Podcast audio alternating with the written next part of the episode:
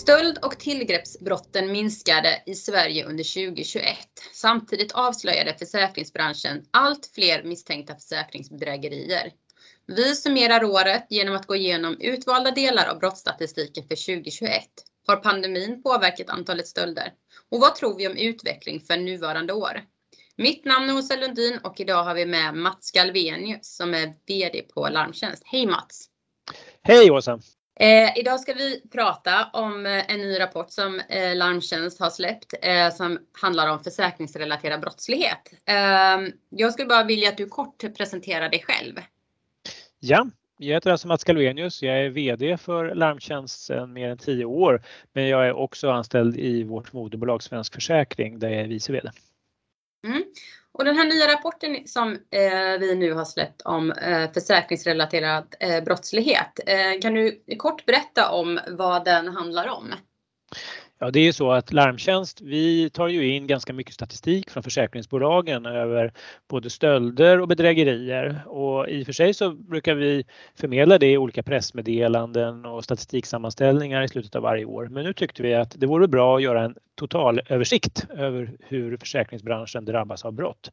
Och har vi även kompletterat med statistik över polisanmälningar från Brå. Mm. Eh, vad visar eh, rapporten då? Ja, den ger en ganska splittrad bild tycker jag om man ska göra liksom en totalöversikt. Eh, vi ser en ganska kraftig nedgång av vissa tillgreppsbrott eh, men samtidigt är det andra brottskategorier eh, där vi ser en kraftig ökning. Så att det är inte så att vi har en entydig bild för alla typer av brott utan en förskjutning mellan olika brott. Och rapporten bygger ju på det som vi kallar försäkringsrelaterad brottslighet. Eh, skulle vi bara kunna klargöra av vad det är, vad är försäkringsrelaterad brottslighet? Vad är det för typ av brott som, som vi pratar om då? Ja, vi brukar säga att det är egentligen fyra typer av brottslighet som drabbar försäkringsbranschen. Dels är det stölder eller tillgrepp som man också säger. Eh, det är bedrägerier och då är det främst försäkringsbedrägerier. Sen är det även skadegörelsebrott och anlagda bränder. Eh, kan man se mm, utifrån den här, de här brottskategorierna, kan man se eh, om pandemin har påverkat utvecklingen? Ja, det kan man nog göra och då är det framförallt en typ av brottslighet som vi ser att det har minskat rejält. Jag tror jag tydligaste det är bostadsinbrotten. De har ju gått ner ordentligt. Under 2021 så minskade de med 15% från året innan och det är väl tredje året med ganska kraftiga nedgångar. Vi närmar oss snart en halvering jämfört med toppåren runt 2016. Eh, och det tror jag har mycket med eh, pandemin att göra. Och dels för att de internationella stöldligorna haft svårt att komma in i landet och svårt att få ut gods ur landet när gränserna varit stängda. Men kanske framför allt, folk har ju varit hemma och när vi sitter hemma då begås det inte lika mycket brott. Mm. Alltså bostadsinbrott. Hur, hur utsatt är branschen för, för brott? Kan man Eh, Eh, totalt sett så kostar den här brottsligheten, de här fyra kategorierna av brott som jag pratar om, kostar ungefär 10 miljarder kronor för sakförsäkringsbolagen varje år.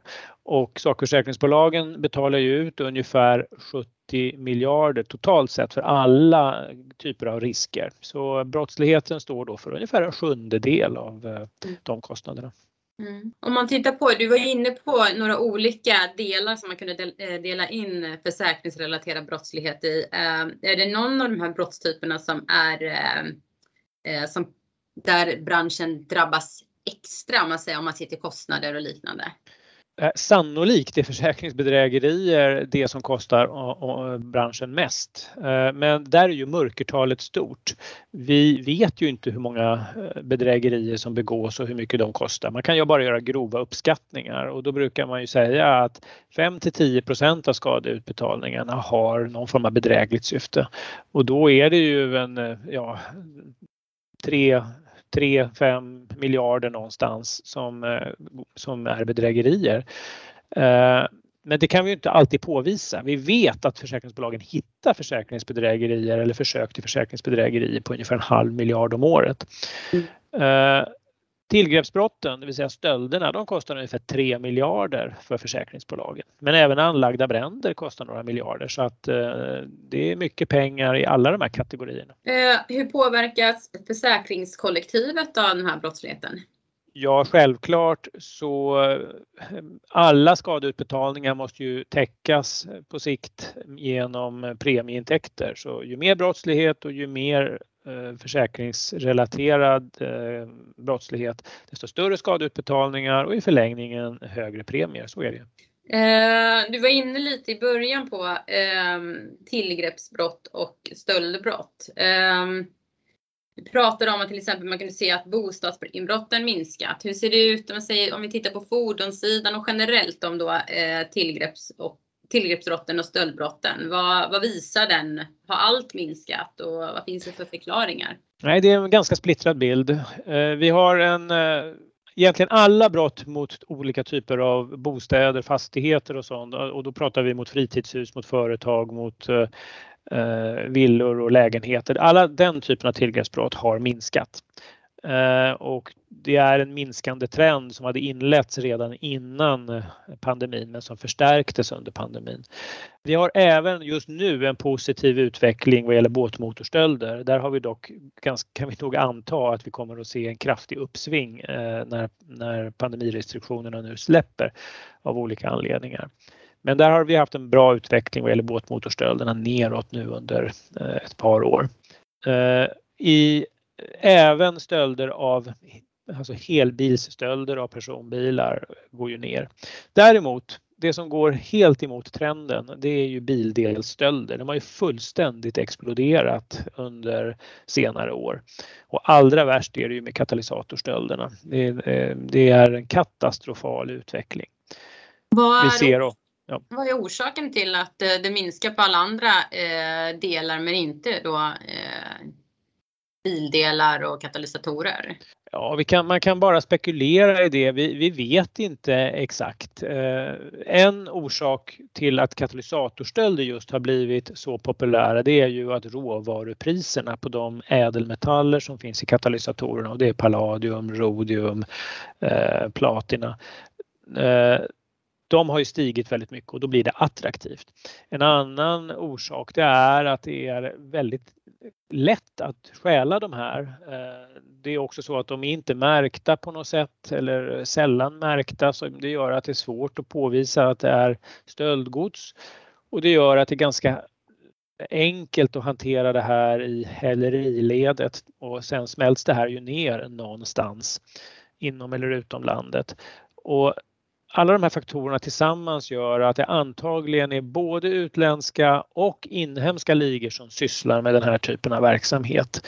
Ehm, och kanske är det så att en del av de grupperingar som tidigare exempelvis sysslar med bostadsinbrott, eh, de har gått över på det här för att det ger snabbare pengar eh, och eh, är mindre riskfyllt. Uh, Mats, du var inne lite på båtmotorer där man har sett en, eh, en minskning i också. Uh, och den har man ju kunnat se nu uh, ja, men, om man tittar tillbaka några år i tiden också.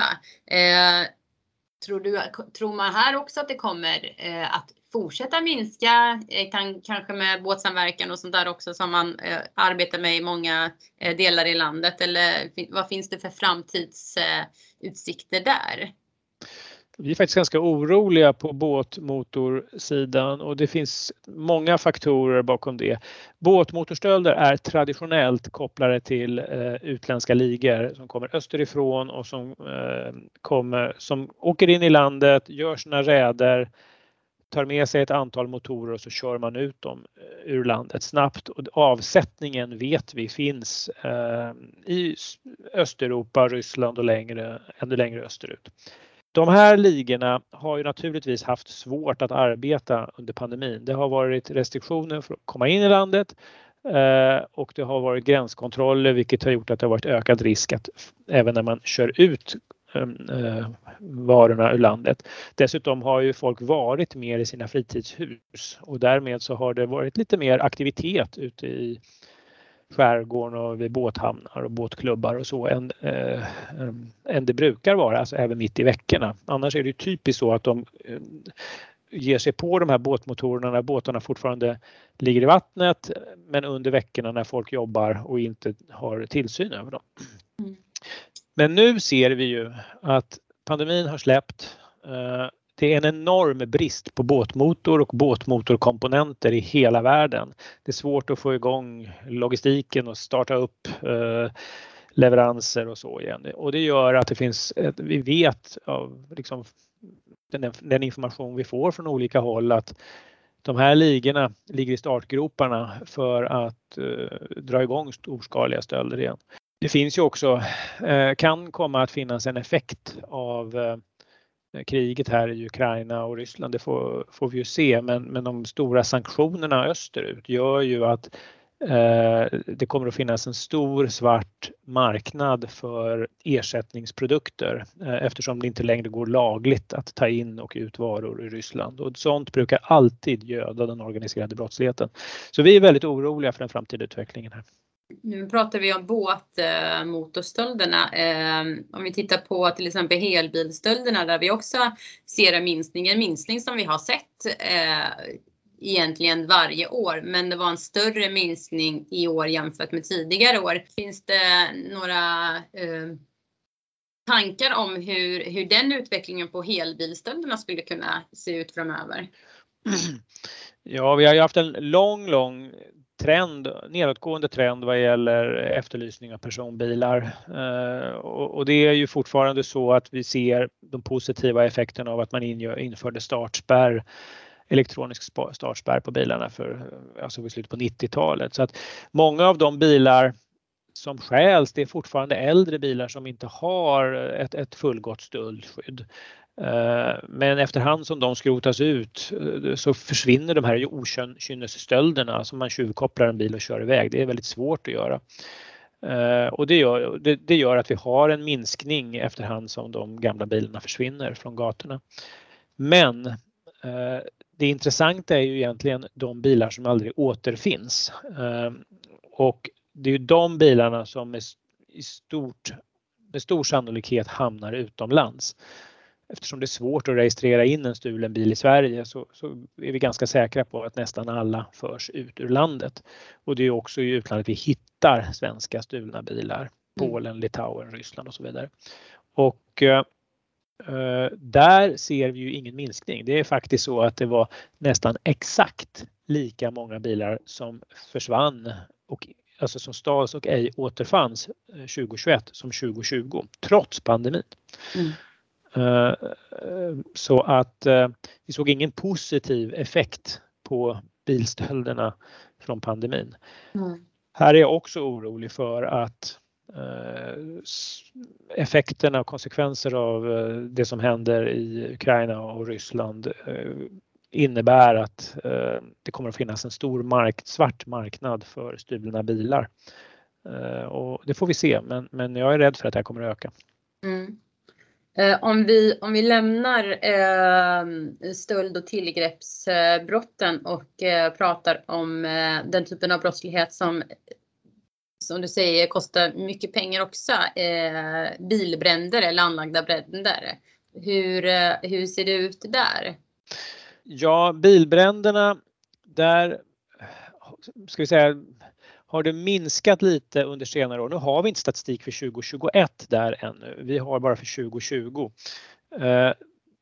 Där ser vi dock att under förra året så skedde det en ökning igen av eh, anmälningar till försäkringsbolagen men det var ganska oförändrat antalet polisanmälningar. Det, det skiljer sig ju här mellan försäkringsbolagen och, eh, och, och polisens statistik. För, till försäkringsbolagen så anmäls ju alla bilbränder oavsett orsak. Det finns, vi kan inte dela upp det efter om det är anlagt eller inte anlagt utan alla bränder, även de som beror på elfel eller eh, olje, alltså bensinläckage eller vad det nu kan vara, de hamnar hos försäkringsbolagen. Medan de polisanmälda bränderna, det är ju bara de där det faktiskt ligger ett brott, misstänkt brott bakom, mm. en anlagd brand. Och, eh, så det kan ju finnas en förklaring till att det spretar lite mellan eh, utvecklingen av polisanmälningar och anmälningar till försäkringsbolagen. Men över tid, det är ganska konstant eh, vad gäller anmälningar till försäkringsbolagen, mellan 5 och 6 000 Eh, bilbränder om året. Medan antalet anlagda brand, bränder anmälda till polisen har minskat lite från toppåren 2016-2017.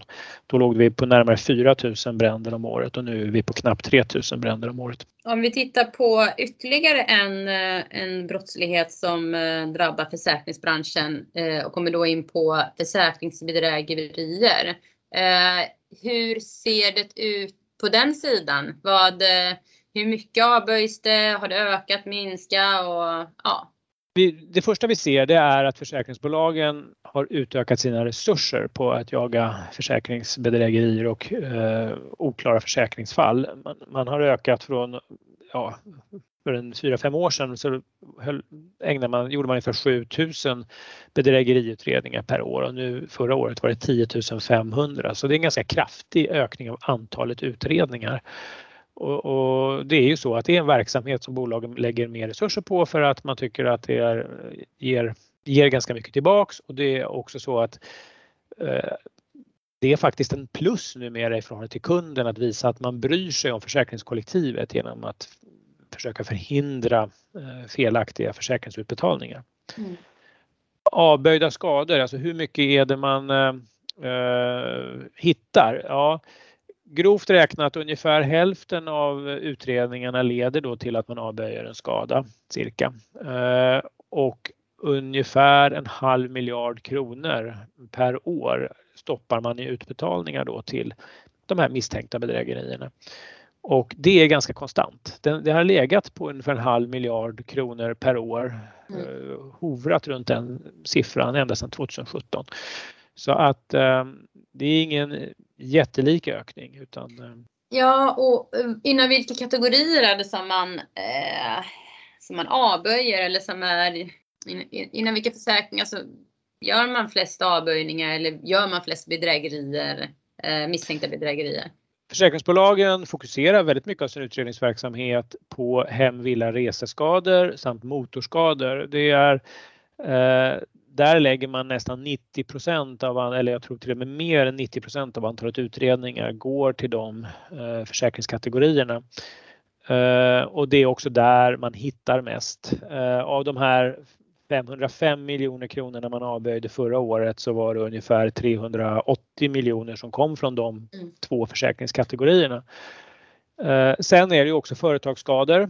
Det är ganska få antal ärenden man utreder men de är ganska stora belopp och det, det har hovrat runt 100 miljoner kronor om året man hittar på företagsskador. Eh, personskador gjorde ett, ett, några bolag ett antal eh, lite större utredningsinsatser för ett par år sedan och då hittade man mycket pengar och kunde även kräva tillbaks felaktiga livräntor som gick många år tillbaks i tiden.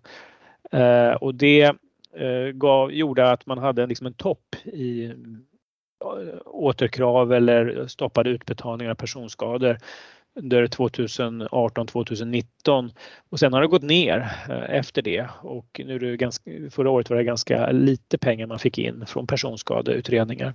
Och sen finns det lite övriga försäkringskategorier och då pratar vi båt och djurförsäkringar men, men, men det är små pengar i sammanhanget. Mm. Eh, Mats, eh, branschen pratar ju ofta om problematiken med eh, ja, men det som försäkringsbranschen hittar och polisanmäler men vad som faktiskt eh, sedan landar i åtal och domar. Eh, kan du kort eh, berätta lite om det också? Försäkrings Totalt sett så polisanmäls det ju bara ungefär 600 försäkringsbedrägerier eh, eller misstänkta bedrägerier per år varav nästan alla görs av försäkringsbolagen. Det är ytterst få som inte görs, mm. som görs av andra aktörer. Av dem 500-600 per år som man polisanmäler, eh, då är det bara 16% som leder till åtal, det vill säga 84% av de här polisanmälningarna antingen direkt avskrivs eller avskrivs eh, när en förundersökning har, alltså man lägger ner förundersökningen.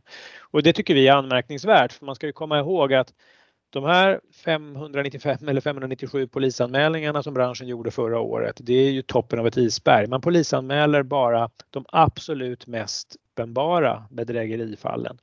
Eh, det här är ju alltså av 10 500 utredningar så var det 597 som blev, eh, ledde fram till att man gjorde polisanmälan. Man har redan gjort en väldigt tydlig sovring eller selektering hos försäkringsbolagen. Och det är ju poliser, tidigare poliser hos försäkringsbolagen som skriver de här polisanmälningarna. Vi tycker nog att det borde vara en betydligt större andel som, eh, som leder till åtal.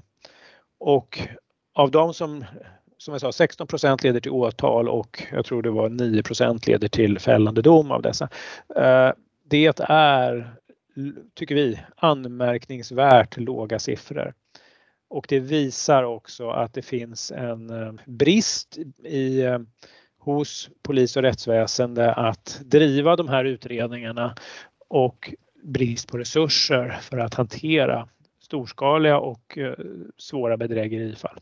Mats, om vi ska summera eh, det vi pratat om idag och det som framgår då i den här eh, rapporten du var inne lite på ja, men hur vi, eh, om vi tittar framåt, hur det skulle kunna se ut. Att det finns eh, eh, orosmoln kring till exempel båtmotorstölderna kommer gå upp på grund av eh, eh, brist, eh, brist på motorer och eh, delar men också att, att man kan se eh, en negativ utveckling på katalysatorer som troligtvis kommer fortsätta. Har du något där som du skulle vilja, vilja tillägga om eh, men, både det vi har pratat om eller framtidsutsikterna?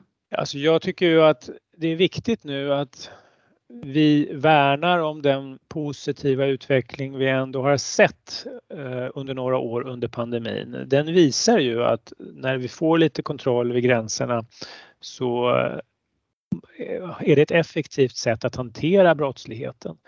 Så att vi måste värna om dem, eh, det vi har åstadkommit genom att helt enkelt stärka gränsskyddet både för inresa i landet och utförsel av gods ur landet. Så att vi har koll på de här organiserade ligorna, för det är ändå de som är problemet.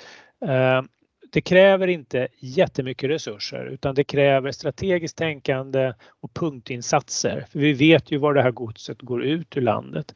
Och det krävs också resurser hos polis och rättsväsen att även arbeta mot mängdbrottslighet. Då, det, om, vi, om vi vidtar åtgärder på de punkterna så tror jag att det finns möjligheter att hålla tillbaks den här trenden. Därför att om vi höjer trösklarna för, för att föra in eller komma in i landet om man är en brottsling och föra ut gods ur landet. Eh, om vi höjer de trösklarna så kommer de här nätverken att åka till andra länder istället. Vi kommer inte att bli av med dem. För det, de tjänar pengar på det här. Men de kommer att välja att åka till andra länder. Uh, och det, det är liksom det vi kan hoppas på. Men då måste vi hålla i och eh, utöka uh, åtgärderna vid gränserna. Tack Mats, tack för att du kunde medverka i, i dagens avsnitt av Larmtjänstpodden. Eh, ni har hört Larmtjänstpodden som är en podd från Larmtjänst som är en branschorganisation för sakförsäkringsbolagen med syfte att bekämpa försäkringsrelaterad brottslighet. Dagens gäst var Mats Galvenius och jag heter Åsa Lundin. Dela gärna podden i alla era sociala kanaler så tackar jag för att ni lyssnade och hoppas att vi hörs igen. Tack!